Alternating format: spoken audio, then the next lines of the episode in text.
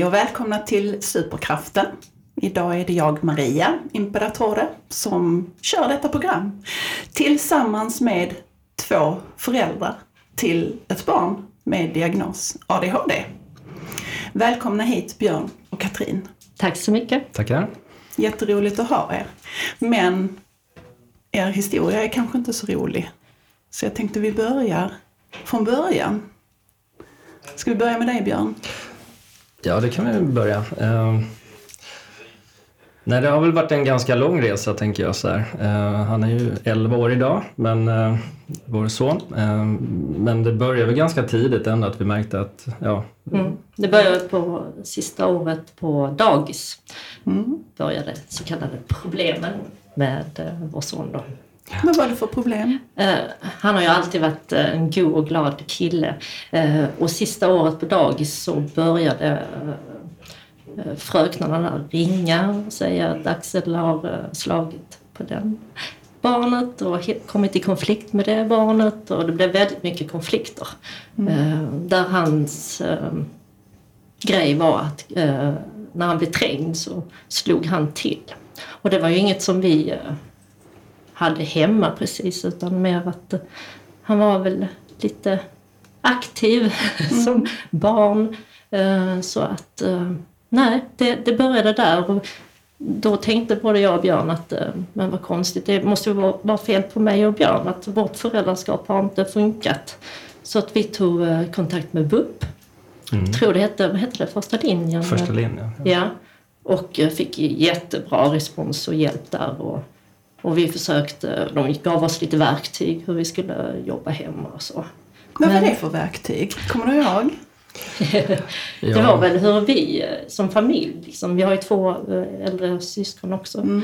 mm. Eh, två tjejer, men att vi som familj eh, skulle ta det, alltså vi hade väl ganska kanske temperamentsfulla bråk kan man säga, nej men jag vet mm. inte. Det är inte ovanligt. Nej, men alltså att man eh, liksom skulle ta det lugnt när eh, vi kom i konflikter hemma och så. Mm. Det blev lite mer lugnare. Mm. Uh, det blev ju inte bättre av de här verktygen kanske mer än för oss. att vi, nu kommer jag faktiskt inte exakt ihåg vad vi fick för verktyg där men vi fick bra hjälp och stöd och de följde faktiskt med oss till den här förskolan som vi var på. Ja. Eh, så att um, de var med där och gav tips till pedagogerna som var där. Skönt. Mm. Men lite så var väl pedagogerna inne, liksom, att de också anade, kände kanske igen lite mm. tendenser eller så här mm. kanske det varit annars också. Så att de var ju inte helt oförstående på förskolan heller, tänker jag. Nej. Men, um, ja. Var så. de vakna för när de kom med från BUP och ville vägleda och så? Var de med på det? Uh, ja, alltså nu är det så här... ja, jag förstår. Ja. Uh, ja, jo, alltså ja. Jag tror nog att vi har haft ganska bra stöd och hjälp och sådär. Sen eh, just där och då kanske man utvärderar, tycker mm. lite olika. Man kanske känner att det är lite orättvist eller kan det verkligen bara vara vår sons fel och sådär. Mm. Men mm jag tror nog ändå att de hade en god vilja och liksom mm. såg och sådär. Men just där och då kanske man inte alltid uppfattar det. Så, så kan det vara. Det räckte, det kanske inte, räckte kanske inte hela vägen. Nej. Sen har vi, tycker jag, att vi varit väldigt öppna. Jag kan tänka mig att det kanske är svårt att få reda på att ens eh, barn inte följer, ska man säga, det normala. Mm. Eh, och att eh, man kanske går i lite försvarsställning till att börja med. Men att sen är man med och man har med sig pedagogerna så går det ju faktiskt eh, mm. mycket bättre. Mm. Och det har varit en väldigt lång resa, vi kanske nämner det lite senare här. Men idag går han i fyran. Mm. Vi upptäckte detta i sista året då på dagis. Mm. Och sen när han skulle börja förskoleklass, eller vad man säger, F-klass. Så eh, började vi eh, dem en kartläggning. För det, de fick ju med sig också all information och vi var faktiskt på så att Eftersom både vi var på från vårt håll och de var på från sitt håll mm. så började en utredning mm. upp. Mm. Och det tog ju ett år innan vi fick en diagnos på honom då. Det är rätt lång tid. Det är rätt lång tid mm. och väldigt mycket kämpande för att uh, det ska fungera i, i hans vardag på i förskolan, Ja. F-klassen. Många incidentrapporteringar Ja, och det var många en- åka hem till och Det var- be om ja. ursäkt och, Mm, och lite turbulent. sånt där. Ja. Det tar ju jättemycket. Man tänker det här är ju inte normalt Nej. kanske men ja. Det har varit mycket och han har lärt sig otroligt mycket. Jag ska säga, det är en helt annan son idag än vad det var när han var sex år. Men det är ju en mognadsfråga. Så, såklart. Han har lärt att sig jag- hantera sin impulsivitet. Jag tror inte bara att det är en mognadsfråga utan jag tror att det är att ni har gjort ett bra jobb också. Mm. Att ni har jobbat med honom, funnits där, Mm. är oerhört viktigt. Så jag tror inte bara det är en mognadsfråga. Det är många som säger det. Mm. Jag har sagt det om mina barn också, att ja men nu är... Ja, det handlar om att man ger dem en trygghet också. Det är jätteviktigt att man finns där hela vägen. För det finns ju inte någon annan tjänst många gånger så, men ni har funnits där hela tiden. Jätteviktigt. Så jag, jag kan säga att ni har gjort ett bra jobb. Mm. Tack. Men om vi då börjar med resan från när han kommer upp till skolålder. Mm. För där vill jag höra. Mm. Då börjar han ju ettan och precis när han började ettan så hade vi precis fått att han hade då ADHD. Så eh, vi fick ju också uppmuntran av skolan att det första föräldramötet på skolan och fritids så skulle vi berätta om hans diagnos. Och det gjorde vi. Mm, Och vi det- tänkte att eh, det är också lite så här man tänker ah, nu har han fått en diagnos, han ska få rätt. Vi fick utbildning hur vi skulle agera. Vi, skolan har fått reda på detta nu och nu kommer han få all hjälp som han behöver och det kommer gå så bra. Men nej, det blir ju inte så som man tror tyvärr. Så att eh, när vi berättade eh, att nå föräldrar, ja, många är jätteförstående kanon. Men sen finns det de där föräldrarna som inte förstår. Och det tycker jag har varit det jobbigaste Mm. av denna. Det kanske är så att vi hade en information tidigt. Att vi fick ett ganska bra respons på det tycker jag ändå. Ja. Det var många som... Du var jätteduktig. Tyckte Jag kommer var ihåg du som fick ta det för jag kände att jag orkade inte. För Nej. jag hade jag Ja, det är jättejobbigt. gråta. Mm. Men jag tänker att man kanske behöver påminna sig igen lite grann. Samtidigt så kommer vi inte alltid kunna vara där för honom och berätta och förbereda alla andra runt omkring. Så att någonstans är det väl den här tuffa lärdomen också kanske. Att, ja, hur hanterar man det här själv utan att alla vet om det också. Men ja, det var tufft. Mm. Men ni säger att det var tufft med, med föräldrar Mm. som inte förstår. Hur kunde ni bli bemötta? Jag menar ni åkte hem och bad om ursäkt. Och, alltså hur såg den här Mm, det resan gjorde vi. ut? Vi har alltid gjort det. Alltså de, alltså jag kan inte säga att han har haft jätte, alltså han har ju haft incidentrapporteringar men alltså ett tag var det. Men det är väldigt mycket yttre påverkan. Man ska förstå att han har ju inte agerat så för att han bara vill Nej. slå någon eller komma i konflikt med någon. Utan det finns ju barn utan diagnoser som inte är jättesnälla. Mm. Och eh, oftast är det ju också att pedagogerna kanske inte har just varit där. Man har inte sett vad som uppstod utan de, det de ser är att han kanske då har slagit till eller puttat någon eller bla bla bla. Så. Och det är mycket sånt som jag, jag vet, för jag känner min son, han skulle inte bara hoppa på någon utan anledning. Man pratar superkraft, han är ju som en supermagnet. Liksom. Konflikter och händelser dras ju någonstans till honom. Dels för att han reagerar som han gör, men dels för att andra uppskattar nästan och triggar Ja, de igång. tycker det är kul, Ja, det, alltså. de får en reaktion. Mm. Och då så att han blir en som supermagnet. Liksom. Ja. Så det är ju jobbigt för honom förstås också. Ja men och just det så ser man ju faktiskt eh, överallt eh, och man hör, nu när vi har pratat runt också, innan utgick jag bara från mig själv men man pratar med vuxna idag som har fått diagnos och de har ju sagt det också att ja men allting drogs till. Mm. Det var ju inte så att de sprang och letade upp det, Det är där, utan folk kan kunde ju ja. komma. Ja, ja. Ja, han är inte så smidig. Och, alltså, det var ju ofta han som stod där och blickarna på att det var han som gjorde fel. Men Sen många, på något många, sätt så lär sig barn är ju rätt så smarta så de lär sig också, ja men det var Axel. Ja. Ja. Nej men så är det, det får vi ju fortfarande veta liksom att det händer saker där han någonstans blir anklagad. Sen hör man berättelsen. Så han, nu senast var det ju faktiskt så att han hade ju inte ens varit på plats när liksom alla gick igång och sa det är han som har gjort det. Det blir ju, ja, alla räknar med att det är han när det är någonting. Mm. Så att eh, just den här magneten är ju jobbig, tror jag. Och hur tar Axel det? Han är jätteledsen.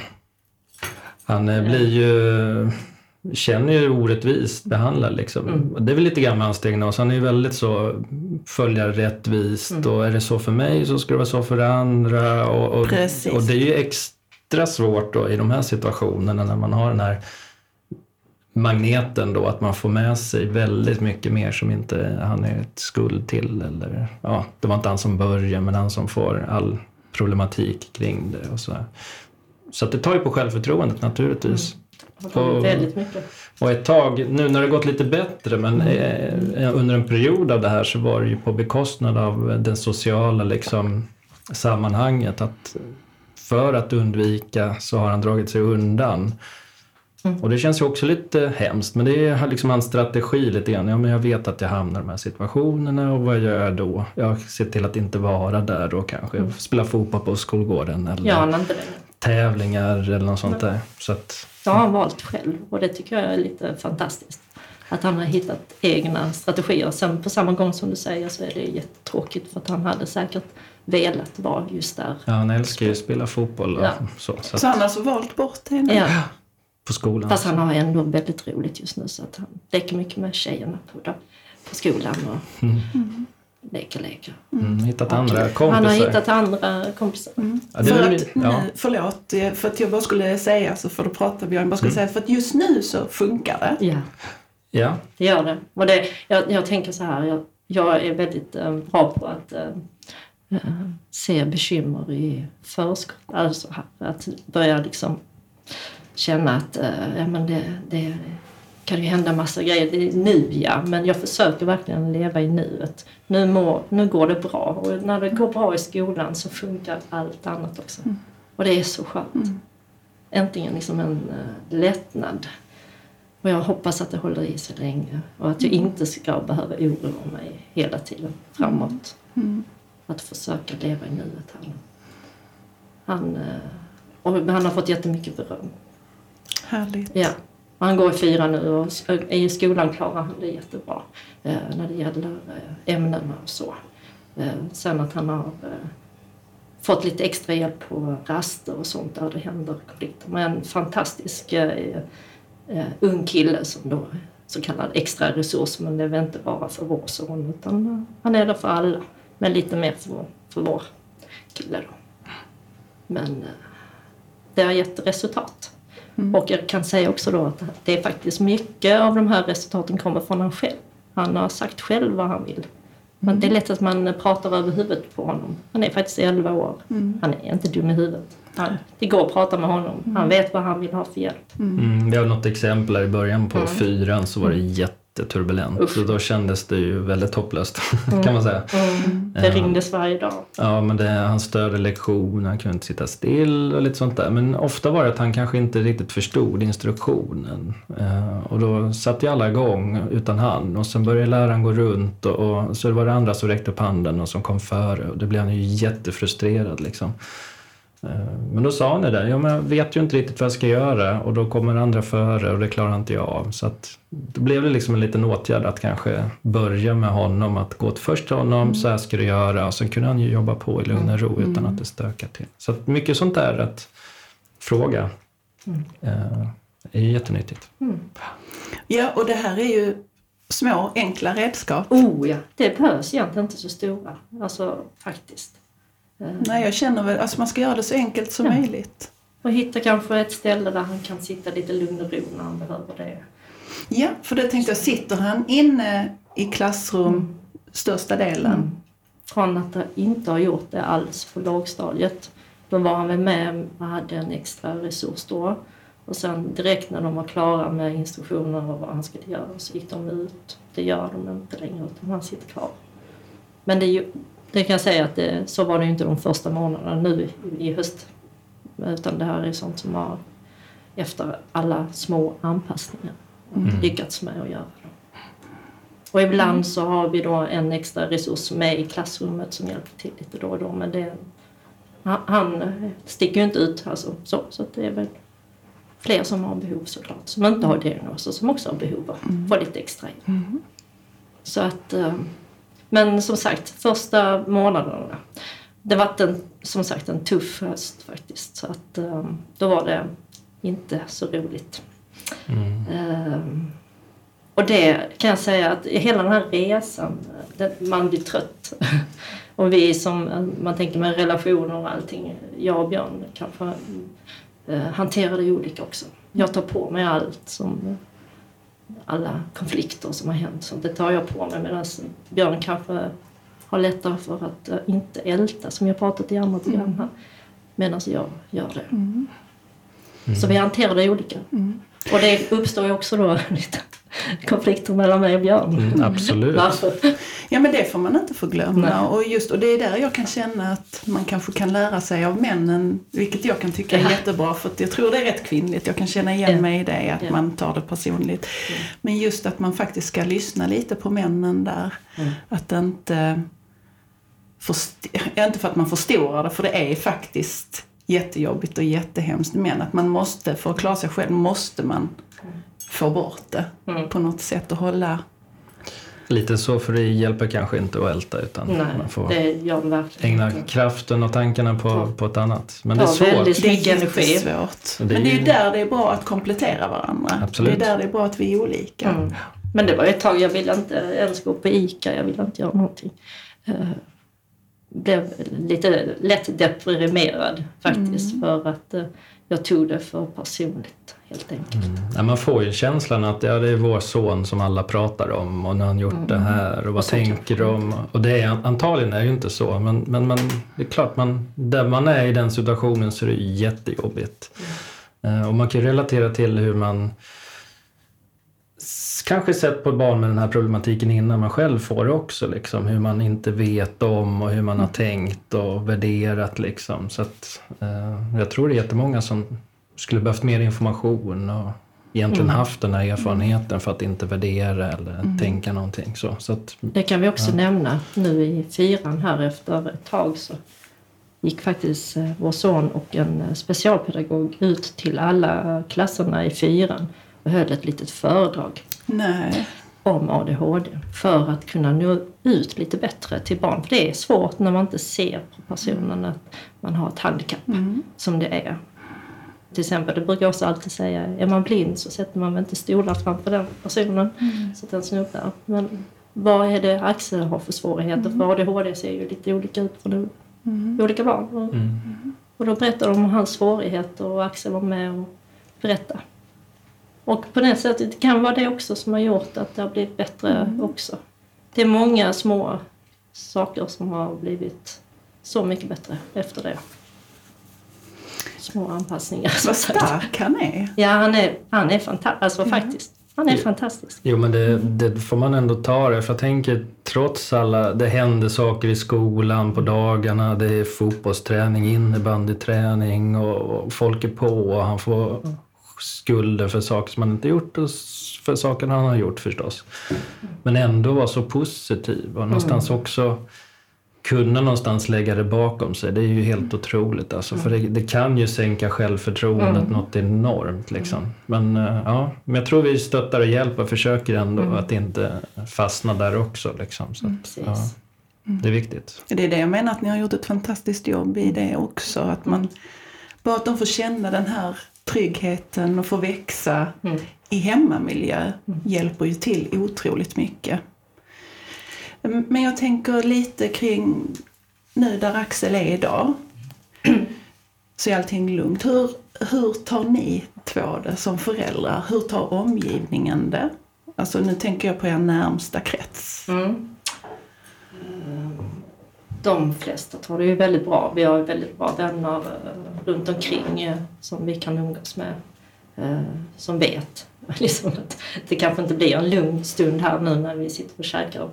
Det är ju också så här att Axel, nej, alltså han vill ju också ha att uppmärksamhet och har vi då inte, om vi är iväg till exempel och det inte är några barn med eller så, då, då går det ju nästan inte att sitta och äta tillsammans och prata utan då vill han lägga sig i och stör, om man säger så, och prata mycket om allt annat. Eh, speciellt när vi har släktkalas och sånt där. Julaftnar, eh, ja, eh, födelsedagar och sånt. Så är han ju så upp i varv. Så det, det blir ju lite... Det blir ju inte så lugnt. Blir det ju inte. Nej. Och det är väl så, vid sådana händelser som man kan tycka, åh, ja, det hade varit skönt. För att vi har ju valt bort eh, medicinen faktiskt. Eh, Han går ju inte på medicin längre. Nej. Nej. Det gör ju också att han blir lite mer aktiv och så. Men han mår så mycket bättre. Och just, just att han klarar skolan också så tycker vi inte att han behöver det just nu. Det är mycket möjligt att han måste börja med det igen. Men eh, han, blev, han mådde inte bra av det helt enkelt. Han gick ner jättemycket vikt och blev deprimerad och fick mycket mer oro och ångest och så. Så att på det sättet är det mycket lättare hanterligt. Liksom.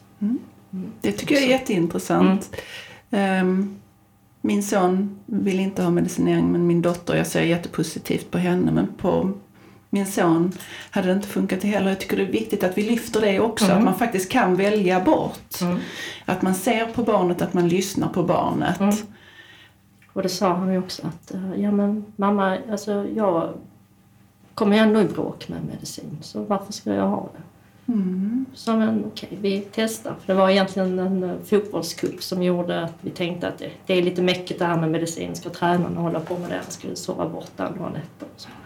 så då valde vi att ta bort det. Så märkte vi då, oj vad han blev mycket gladare. Och Mm. så, för då hade han faktiskt gått på medicin i tre år. Och så fick vi tillbaka den här gamla glada sonen. Liksom. Så att, eh, Ja, det var skillnad. Eh, Mm. Jag tror han kände det själv också. Så det var lite häftigt. Det var ren slump. Vi hade inte Nej. tillräckligt med medicin och det tog tid att få receptet utskrivet. Och sen Mm. hängde vi på och sen började skolan. Och så, ja. så att det känns rätt bra kan jag tycka också. Mm. Men som, eh, så skulle det sen framöver man märker att det behövs kanske så måste vi kanske börja igen. Men det är också det här med att han har lite oro, han har lite ångest. Han tycker inte till exempel, det är inte så lätt att välja medicin heller för de flesta mediciner är ju att man måste, rätt så stora man måste svälja. Vi hittade då en medicin som man kunde liksom lägga på, bryta och få ut på lite yoghurt så, Mm. eh, som små ja, vad ska man säga, Pulver. pulver Mm. Mm. som han fick. Och det gick ju att få i sig då. Mm. Men, Ja, för det är ju också ett eh, vanligt, eh, en vanlig problematik att de inte vill, nej. eh, att det är för stora tabletter, Mm. att, det är, Mm. att det är svårt för Mm. dem Så att, eh, precis. Och eftersom det bara fanns den medicinen Mm. då så, så är det ju inte heller lätt att bara byta. Men då provar vi en annan för att se om han mår bra av den. Eller. Så att, eh, men Men- nu, nu är han utan och det funkar i skolan och pedagogerna eh, lyfter honom väldigt mycket idag. Mm. Om man jämför med hur det har varit innan. Och någonstans har väl det varit det viktigaste nu har vi väl sagt. Liksom. Sen kan det ju vara hemma så får vi kanske ta smällarna för någonstans är det en ansträngning. Alltså det vi Mm. Ja. tycker funkar och så här ska man göra för måste man ju tänka till lite extra. Så är det ju. Som man är på semester och sånt där. Man tänker att det, våra semestrar är nog inte riktigt som alla andra semestrar. Nej, vi var och Eh. åkte skidor nu Ja. och eh, han har ju inget tålamod att vänta. Och eh, var i Österrike i Alperna och han kör väldigt snabbt. Fort. Liftköer. Såklart. Liftkö, ja. han försvinner, som så vet man inte var han är. Man är som de andra tyskarna i sig. Tränger sig. Ja, men du, du är den som kan åka lika snabbt så du fick ju vara mycket med honom den Mm. veckan. Jag fick lugnt och skönt med tjejen. Men han fixar det. Han fixar det. Han älskar det. Alltså han har ju väldigt lätt för sig att lära sig nya grejer. Han är väldigt duktig på det. För det var det jag ville ta fram också. Det är det som vi vill lyfta. Vad är er sons superkrafter? För det måste han ha många. Oh ja, det har Mm. han. Jag tror inte vi har hittat alla heller Nej. riktigt än. Så just det att han, han vill ju prova, han testar och blir ju fokuserad helt otroligt på vissa saker. Och, Mm. och sen sitter och spelar luftpiano nu för att de har musik på skolan. Och Mm. lär sig liksom saker som, jag vet inte, Mm. annat i skolan lär han sig inte lika snabbt kanske. Men det som verkligen fångar intresset det är ju, Ja, det blir han oftast bra på. ja. Mm. Och, Han älskar ju sin innebandy nu. Han hade hockey innan. Det blev lite jobbigt med alla skydden. skydden han skulle ha på sig. Ah, det har också varit ja. ett, eh, lite jobbigt att mm. sitter inte ett skydd rätt, då är det av, på igen, så håller man på så. så när han väl kom ut på isen så var det kanske tio minuter kvar på Mm. träningen. Så att, eh, nej, det blev för mäckigt. Mm. Men eh, det var roligt så länge det var. Men nu har han bytt till innebandy. Det är ju verkligen hans grej. Mm. Det tycker han är jätteskoj. Mm. Och sen har han ju fotbollen också. Så att det är bra att de är aktiva så länge de kan. För det är också eh, bra för just diagnosen ADHD. Mm. Att eh, hitta en bra aktivitet där man rör sig mycket och så.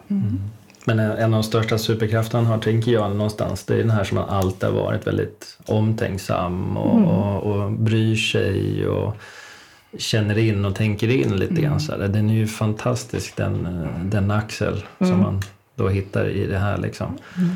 Så, eh, ja. Det, och det är ju också... Alltså det är ju en av deras styrkor just med de här diagnoserna oftast att de har ju så stora hjärtan Ja. och är så omtänksamma och det berör en extra när folk tror att de är elaka och att de agerar utifrån de har dåligt hemma eh, och just den här elaka ådran när man bara vet. Och man ser ju resultatet själv hem, hemma efter en sån dag. Hur ledsna de är och förtvivlade. Absolut. Så är det ju. Eh, nedspolat jacka i toaletten, liksom, det, det gör ju inte han av sig själv. Liksom. Så är det, det är liksom... Det är liksom ja. Och sen få bli anklagad för det. Liksom. Det är klart att det är jobbigt. Liksom. Har er son känt att "Ah, jag tar det på mig för att det kvittar om lyssnar ändå inte på mig? Det har han nog absolut gjort. Jag har flera gånger sagt att det inte är lönt mamma att jag, säger till eh, pedagogerna här. Alltså för att de tror ändå inte på mig. Alltså det har varit mycket så. Det kvittar vad jag än gör eller säger. De, de tycker ändå att jag, det är jag som har gjort det. Ofta är det väl ett, det sista som händer är väl att han reagerar på någonting som han är utsatt för och då är det det som märks. Så att han, han kan ju inte säga annat än att han har gjort fel i sin agerande då, men det är ofta en annan anledning bakom som då inte uppmärksammas kanske. Så det tycker han är jättejobbigt förstås. Men jag tänker återigen, det är superkraft att kunna hantera det också liksom och ändå gå vidare, vara en glad kille och nyfiken och vill prova nytt och Och det. och bry sig om andra liksom och tänka på dem. Alltså det är ju trots det här liksom som man möter i det dagliga. Ja, eh, för och det kan väl jag, för jag har ju själv känt så här, usch, varför ska de behöva gå igenom sånt här? De är bara barn. Sen samtidigt så blir de ju rustade för livet. Mm. Det är jättetråkigt att de ska behöva utstå, men det blir ju väldigt starka barn. Medan barn som blir väldigt omhuldade och allting flyter och sen när de blir stora så kommer allting som en smäll. Medan de här barnen är så vana och har hittat redskap att faktiskt klara sig och överleva. Så man får väl se det lite så. Eh, att de får ju ännu mer styrkor.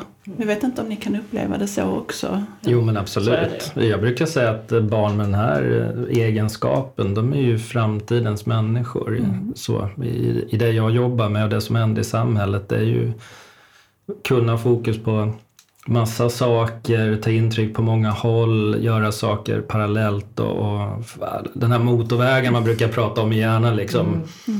Vi har ju bara en liksom, men de kan ha tusen, eller tusen, men, men flera stycken liksom. Jag, jag tror det kommer ju finnas förutsättningar för dem, absolut. Att vara de perfekta människorna i det samhället vi håller på att landa i. Så att jag, med rätt redskap och, och komma ur det här med liksom självkänsla och hittat de här verktygen. Inte för att man har liksom undvikit dem utan för att man har utsatt sig för dem men hittat sin, sin metodik och sitt sätt. Det kommer ju vara en jättestyrka tror jag. Det, absolut. Så finns det alltid en oro att det kommer gå fel någonstans. Men, Men jag då tänker, säger jag igen att det viktigaste är att skolan fungerar. För fungerar skolan så fungerar allt annat också. mm, jo. Det gör det. Mm. Och där känner jag att Axel har ju faktiskt gjort ett stort arbete själv i detta. Att bara gå ut och prata och informera. Och jag tror faktiskt som ni säger också att det är kanske nyckeln till att det faktiskt flyter på Mm. idag. Absolut. Ehm, Sen fick vi en ny rektor på den skolan som vår son går på då. Att, eh, som lyssnade och hörde och såg en. Jag har inte känt det riktigt Mm. innan att de eh, kanske såg en på det sättet eller lyssnade på det sättet som hon har gjort. Och, eh, och hon är väldigt strukturerad och Ja. har ordning och reda. Liksom. Mm. Det är det hon försöker få in nu på den här skolan. Och det passar ju oss perfekt. Så jag tror, eh, för vår del så Mm. Är det här jättebra. En ny rektor. Mm, vi kan nämna Fantastiskt. andra resurser också som jag som haft jättebra och lagt ner mycket energi och så. så Mm. jag tänker så här, man hör många historier om det stöd som saknas. Så vi ska nog inte, vi, vi, vi har nog ändå, trots att vi liksom känt ibland att det inte räcker till och det händer saker, att resurs försvinner snabbt och så där. Nej, nog haft rätt bra tur ändå. För att Men när det har varit mest turbulent och vi har haft väldigt mycket möten så kan jag känna igen mig väldigt mycket i det Maria har sagt i de andra poddavsnitten här. Att då kände man verkligen på med boxningshandskarna. Nu ska vi gå in i det där rummet och där sitter en fyra, fem stycken och, som ska sitta och prata om min son med mig. Eh, Det har inte varit lätt varje Nej, gång. oh, absolut inte. Så är det. Men där ser man också just vad för det har jag när jag letar ny skola till min dotter att jag kollar av hur rektorn var. Mm. Så det är nog också en stor Ja. sak i detta nu när ni berättar Ja. det. För att det är oerhört viktigt vad de har för ideologi, Mm. hur de jobbar med personalen och bemötande. Jag har känt så i alla fall. Kommer jag till en skola där rektorn var bra, Mm. kanon. För då, de styr ju ändå. Mm. Så är det. Så Man är det. måste nå, Mm. absolut. Ja, den är bra att titta efter det. Absolut, känna in. Mm. Definitivt. Vad härligt att ni ville komma hit här till eh, Superkraften. Och ni har gjort ett jättebra jobb. Tack. Mm, tack. Det har varit jätteroligt. ja, och ni får komma tillbaka. Ja. Kanske med er lilla son. Det hade Ja. varit jättespännande för det är en klok kille ni har. Ja. Absolut, och just Mm. nu är vi, tycker vi att det funkar bra och sådär. Men eh, det har vi också lärt oss, det går upp och ner. Så Ja. att det är nya Men det gör utmaningar, det. nya saker att ta Mm. tag i. Så att, ja. Och inte för att vara sån, men jag tror det är bra. Jag vet i början av vår resa att först så när det blev lugnt tänkte jag, "Nej, men nu, nej Mm, just nu. Och sen så kom nästa fall och man Ja. bara, så att jag kände så att nej, jag, jag kan vara glad i stunden men jag Ja.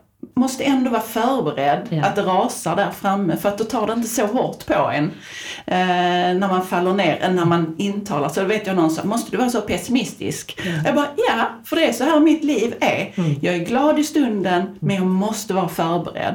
Det är ju precis som i ett krig, man måste förbereda sig. Mm. Man måste ha en strategi. Mm.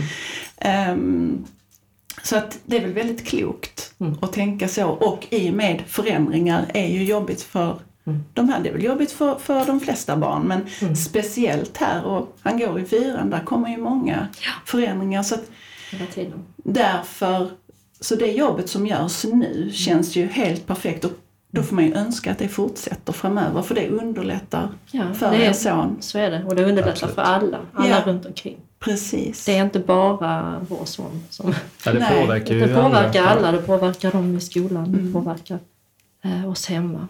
Såklart. Relationer, Mm. vänner, kompisar. Ja. Och ännu en gång, satsa på skolan alla. ja, För det är där, jätteviktigt. där om man får, får bra hjälp där så kommer inte de här kostnaderna sen att de är utanför i samhället. Nej. Nej, Precis. jag tror det hjälper väldigt många just att... Mm. eh, Och satsa även på utbildningar. Alltså det är ändå en, en två, tre barn, oftast i varje klass, eh, som har en NPF-diagnos. Och eh, man har ju inte det i lärarutbildningen idag riktigt, vad jag har förstått. Eh, Vänta. att lägga in en liten avsnitt om detta. Så att eh, Jag de har lite, avsnitt, ja, för att de har, tycka. ja, precis. Att de lyfter den också i utbildningen. Mm.